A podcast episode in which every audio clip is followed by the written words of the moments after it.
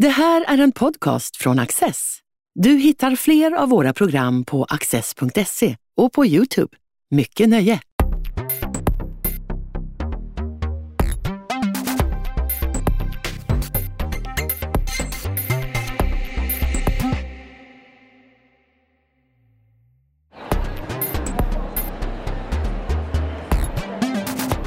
Martin Ingvar ger ett scenario där AI kan slå sönder både demokratin och äganderätten.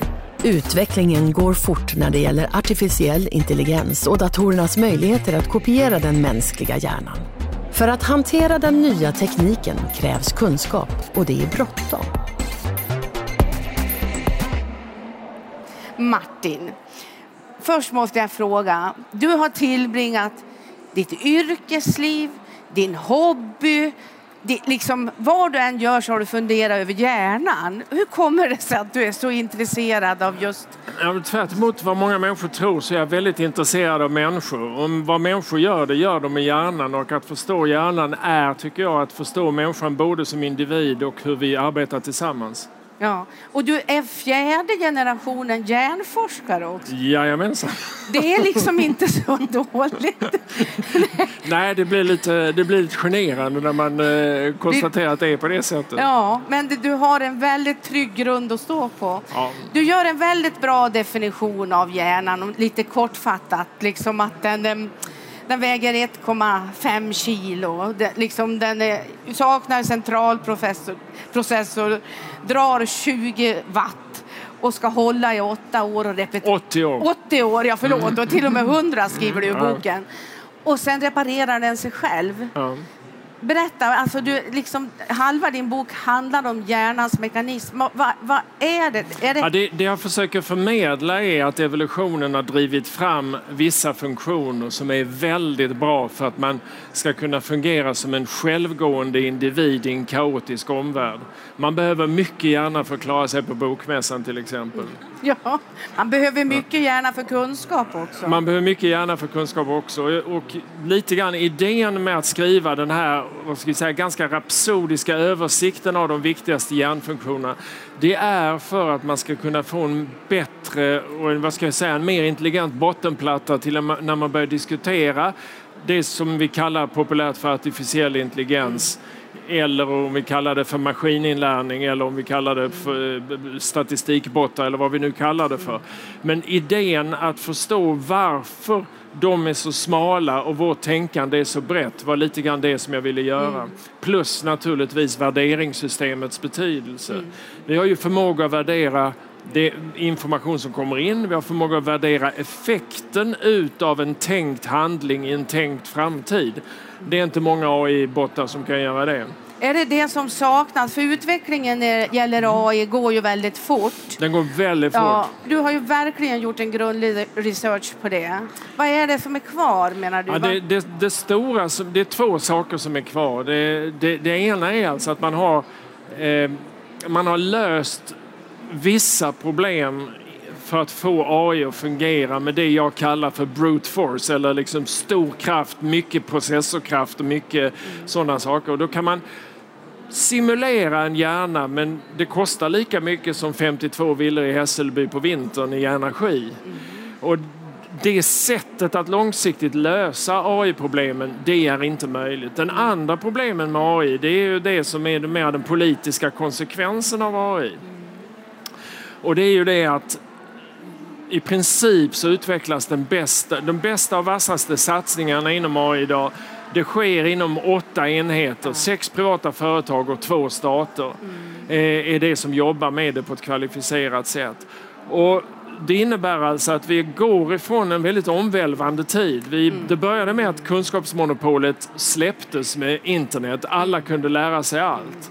Och nu går vi tillbaka till att remonopolis eh, remonopolisera kunskapen genom att det är bara några få aktörer som äger den bästa AI.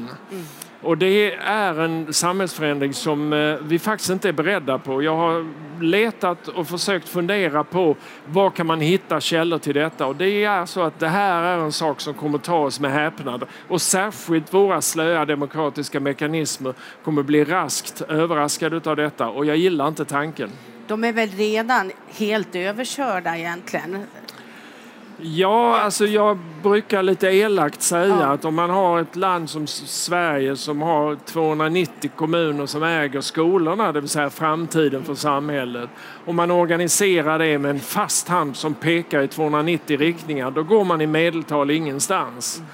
Och om man kombinerar då med att omvärlden förändras väldigt snabbt, kunskapsbyggandet sker på helt andra ställen i samhället och framförallt den kunskapen man behöver för att kunna göra sig hörd och göra sig relevant egentligen, den är totalt förändrad.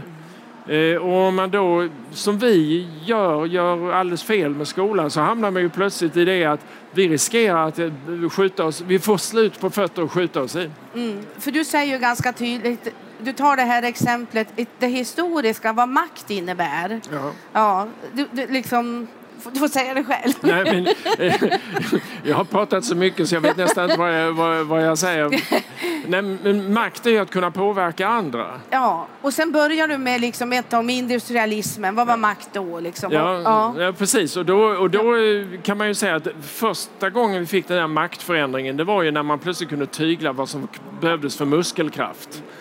Och sen så efter det så började det vara att kunna organisera muskelkraften med information. Och det var ju det, till exempel hela kolonialismen, kolonialismen gick ju ut på att organisera våldet i administrativa system. Och det lyckades man ganska bra med och då, då tog man makten över andra människor.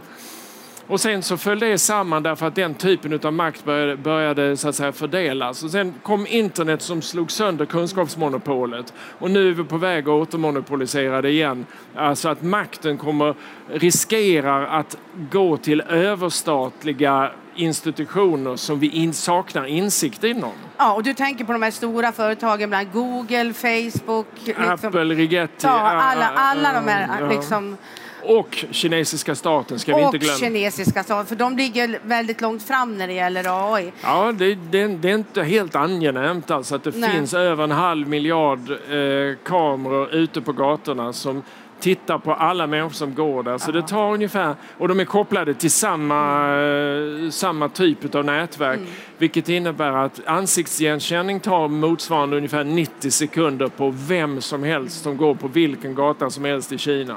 Jag såg på Google att det var en journalist från BBC som hade åkt till Kina och så hade, var, gick han till en miljonstad och så sa utmanade han polisen. Hur lång tid tar det för er att hitta mig? Det tog sju minuter. Ja, och det är ändå ett Så- par år gammalt det Ja, experimentet. ja alltså det, det Ja. går ännu fortare Det nu. går då. ändå fort här nu. Ja. Men du, du säger ju också väldigt tydligt att kunskap är makt. Det är ju det som kom, är framtidens Ja. samhälle. Och om kunskap är makt, på ett sätt så ligger vi ju lite risigt till då. Ja, alltså man kan, man kan säga det att formuleringen av ny kunskap kommer få ganska starkt hjälp av AI för de som har fundamenta i sig. För de som inte har fundamenta så, så blir, vi riskerar att få så att säga, en, en accentuering av ojämlikheten kring begreppet kunskap är makt Ja. eh, med detta. Och, eh, vi kan, jag kan väl säga det att eh, min mångåriga kritik mot hur Sverige förbereder nästa generation för vad som kommer, den accentueras ju bara av det jag har lärt mig under researchen för denna boken. Jag- Jag, jag har fastnat väldigt mycket i vad du skriver i din bok. Att, att du på något sätt så tar du dig själv lite i försvar. Att du är nog ganska kritisk ja, med det som händer och att det händer för lite. Men att, att vi behöver också kritisera stora ledare för stora ledare gör också fel. Ja, absolut. Ja, och det är på något sätt som det är någon stor tystnad i det här landet om AI och internet, liksom i, vad IT-samhället, digitaliseringen kommer att... Ja, alltså, jag, menar, jag jobbar ju i en stor sektor, sju, Ja. hälso och sjukvården. Ja. Och där har man nu en vision för 2025 för vad digitaliseringen ska göra. Och då vet vi att redan idag så har vi AI-bottar som vi kör hur mycket som helst och så vidare. Men det finns inte nämnt utan man ser det fortfarande så in, in, egentligen, det är inte AI man talar om, det är en slags datorisering man talar om. Det vill säga man har, vi har kollektivt sett inte förmått ställa ens rätt fråga. Och då är det svårt att få rätt svar. Och eh, det är lite grann det som jag försöker propagera för i boken, att här finns en kunskapsmassa som om vi inte tar makten över den och ser till att formulera rätt problem, ja då kommer mycket av de samhällsinstitutioner, de arbetsplatser etc. som vi har att bli irrelevanta. Mm. För det är så att, att man försöker efterapa, försöker genom, alltså få en dator som kan fungera som vår hjärna. Mm. Och så lägger du till då det här begreppet deep learning. Ja. Va, va, alltså, är det långt borta och vad kommer att ja, alltså, Deep learning används redan idag. Ja. Det, det, är ju i princip ett nät, eh, en nätverkslogik som fungerar ungefär som hjärnan gör. Det vill säga att man i lager på lager på lager som förändrar sig efter som hand som de exponeras till omvärlden så får man alltså ett, ett, en, en mönsterigenkänningsfunktion där man vet att hela apparaten fungerar men man vet inte vilka delar som gör vad. Och då blir det ju plötsligt så blir ju alltså själva kunskapsbildningen den blir ju någonting som vi inte kan analysera utifrån. Och när det gäller individer så behöver man inte veta det för en individ räcker ju bara så långt men om du har ett allomfattande eh, AI-system som så att säga representerar hela världen, då blir ju plötsligt det monopoliserande för hela kunskapen utan att man kan på något sätt gå in och förstå hur det fungerar. Mm. Och det är, en, det är, inte riktigt behagligt, särskilt om den som äger systemet råkar vara så att säga en enhet som den dessutom saknar transparens. Och sen pratar du också om att datorerna redan idag har medvetenhet. Ja, alltså vad jag, vad jag talar om är att det finns, en, det finns en gammal diskussion om AI någonsin kommer att bli självmedvetet och jag försöker då via en analys av hur man ser på medvetandet vetenskapligt komma fram till att det är i själva verket någonting som byggs efterhand. Mm. Och vi har kommit ett par våningar redan på begreppet medvetande i olika AI-bottar eh, som börjar få en någorlunda bredd på sitt tänkande. Men det där självmedvetande, att tänka på sig själv hur man tänker när man tänker. Mm. Dit har vi inte kommit än, men äh, akta dig, det där är inte långt borta. Nej, för du tog tvättmaskinen som exempel. Och du vet varför jag gjorde det? Nej. Jo, därför jag satt en gång på Kulturhusets scen och pratade om meningen med livet med Kristina Lugn. Ja. Och då så sa hon på sitt sätt, nu ska jag snabba upp det lite grann. Eh, eh, då sa hon så här att strängt taget, meningen med livet är svårt att definiera. För strängt taget är det mera mening med min tvättmaskin. För den vet vad den ska göra. Ja. Men jag har så många val så jag vet inte. Eh, och jag tyckte att det var ett bra exempel. Därför, och jag funderade vidare på hur, är det, hur får maskinen, tvättmaskinen ett medvetande? Jo, den har en, ett program den har avvikelsestyrning så att går det sönder någonting så stannar den. Den har en sekvens som den tänker sig göra i framtiden och den följer sitt eget förlopp genom att mäta temperaturen och vattenståndet i, i, i tvättmaskinen. Det är ju massor med medvetandefunktioner som ja. finns i det om man, om man nu är filosofiskt lagd åt det hållet. Ja. Men däremot så har den inte självmedvetande. Den vet, den vet bara att och den kan bara reagera men den har ingen egentlig plan förutom det där lilla programmet som ligger där och det kan den inte ändra. Vi har massor med planer för framtiden och vi kan variera dem precis som vi behöver. Då det... börjar vi få riktigt medvetande. Mm. Men du tar också upp att, de kan, att datorer har sociala relationer. Jajamensan. Jajamän. ja. jo, det, men det var ju en sak man fann ganska tidigt att när datorer började bli lite snälla, började säga god morgon och sådana där saker så fann man att människor som använde datorer på 70-talet, de började ge datorerna namn. Så att vi, det är ju en del av det vi gör. Allt som rör sig och fungerar ungefär som människor och svarar kommunikativt. Det lägger vi en antropomorft lager ovanpå och så börjar vi ge det namn. Ja. Så att det där med eh, att nå Turing-testet, det vill säga att veta om det är en maskin eller en människa jag talar med det ligger ganska nära för det är oftast den som talar som faktiskt anvisar att ja, men detta måste vara en människa. Mm. Du, jag tänkte, kan vi komma tillbaks lite till Kina? Ja. Va, vad är det, alltså, det som de har och som vi inte har då, det är ju en enorm kunskapsbas över deras, människornas... Hur... Vi har ganska mycket, alltså ja. svenska staten har samlat ganska mycket på det och vad jag tycker är rätt obehagligt är att staten enligt lag tvingar av dig dina uppgifter och sen allt. säljer de dem. Det gillar inte jag. Eh, Och vad Kina gör däremot är att de är helt hämningslösa med samkörning. Så att allt ligger lagrat på din nyckel. Eh, Din skolgång, dina familjeförhållanden, dina dåligt uppförande i skolan, dina militärbetyg, din hälsostatus etc. Så när man annonsera efter människor som, eh, efter eh, att få arbetskraft så kan man göra sökprofiler som gör att man kan få exakt dem. För att öppnar man och säger att alla kan söka, då får man ju 200 000 ansökningar. Det blir jättejobbigt.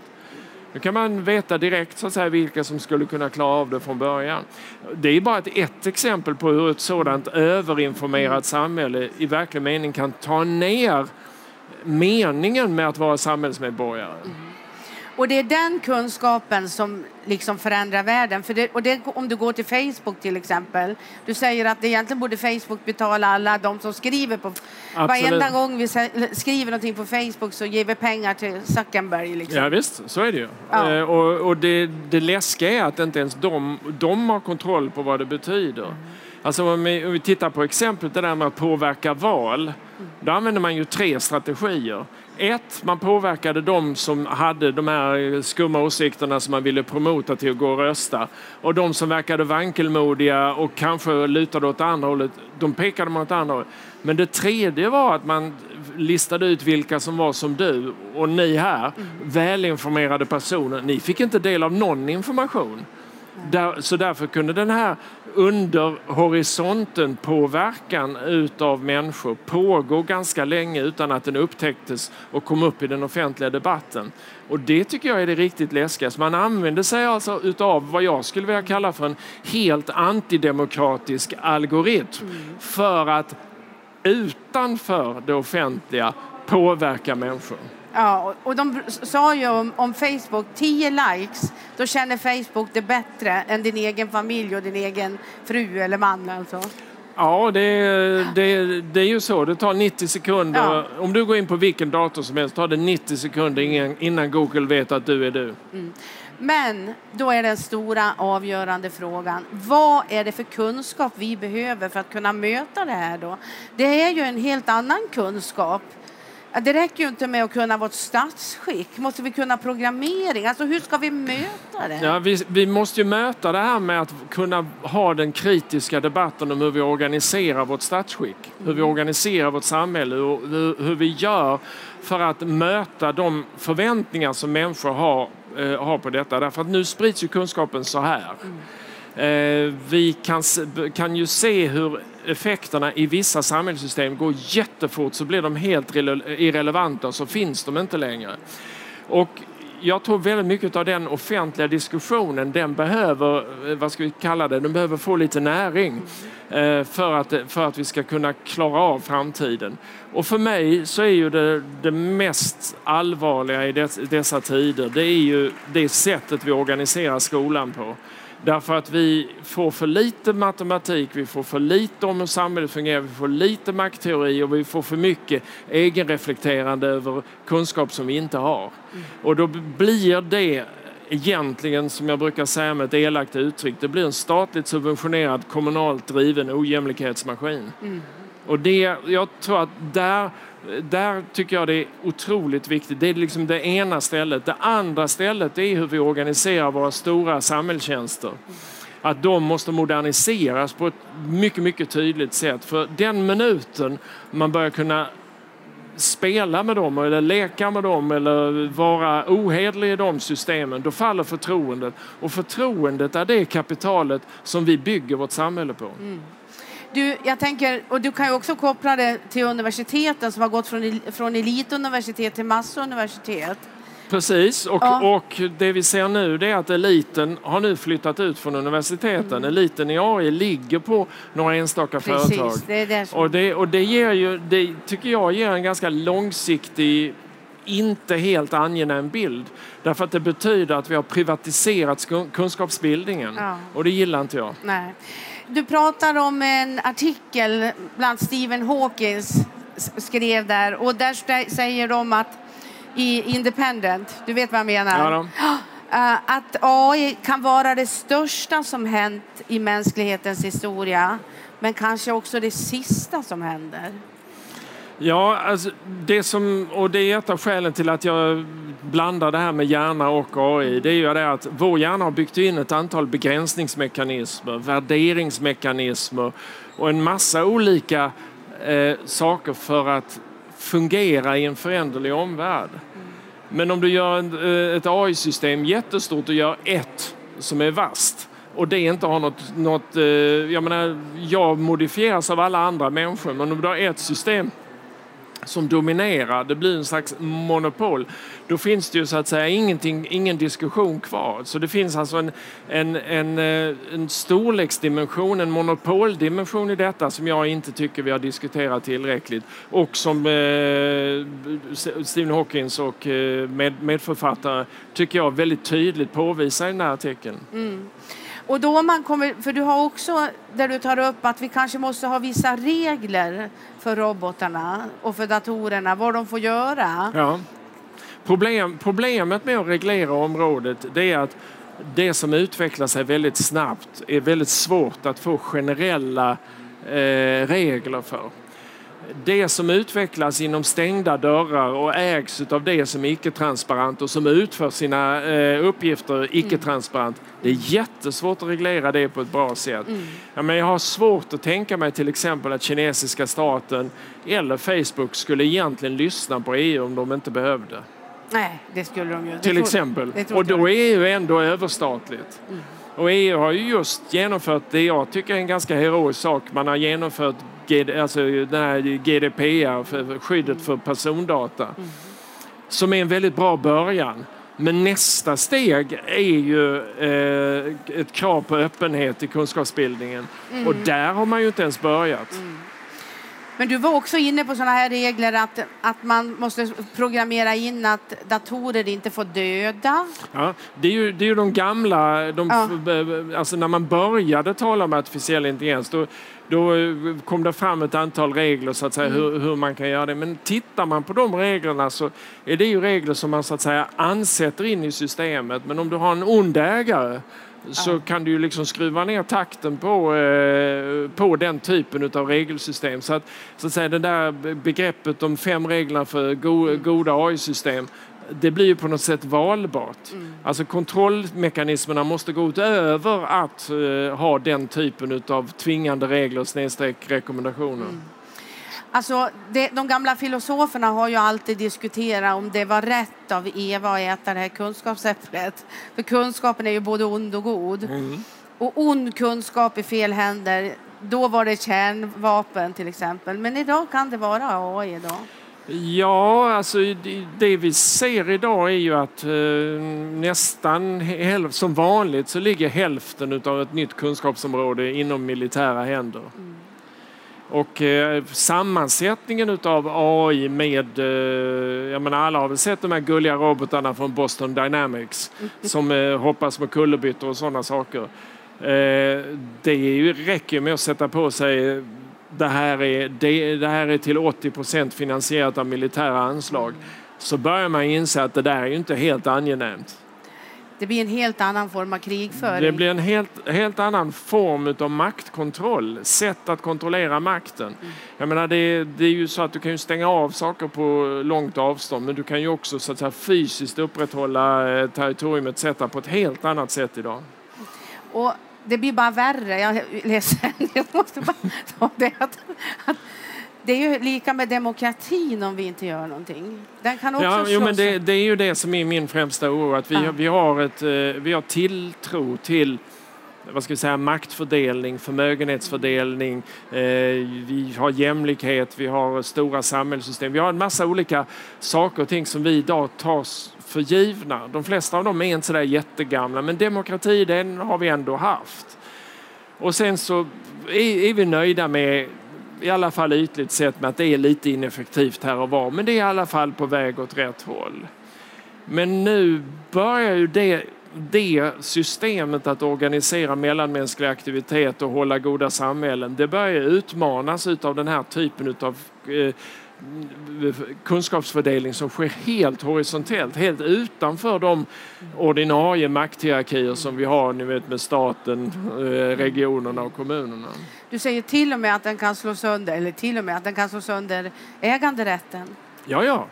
Absolut. Jag menar, det vi, vi, har ju, vi har ju en massa fundamenta i samhället. Jag menar, det var viktigt med land för 400 år sedan. Sen blev det mindre viktigt så flyttade vi ihop i städerna och då var det kunskapen istället.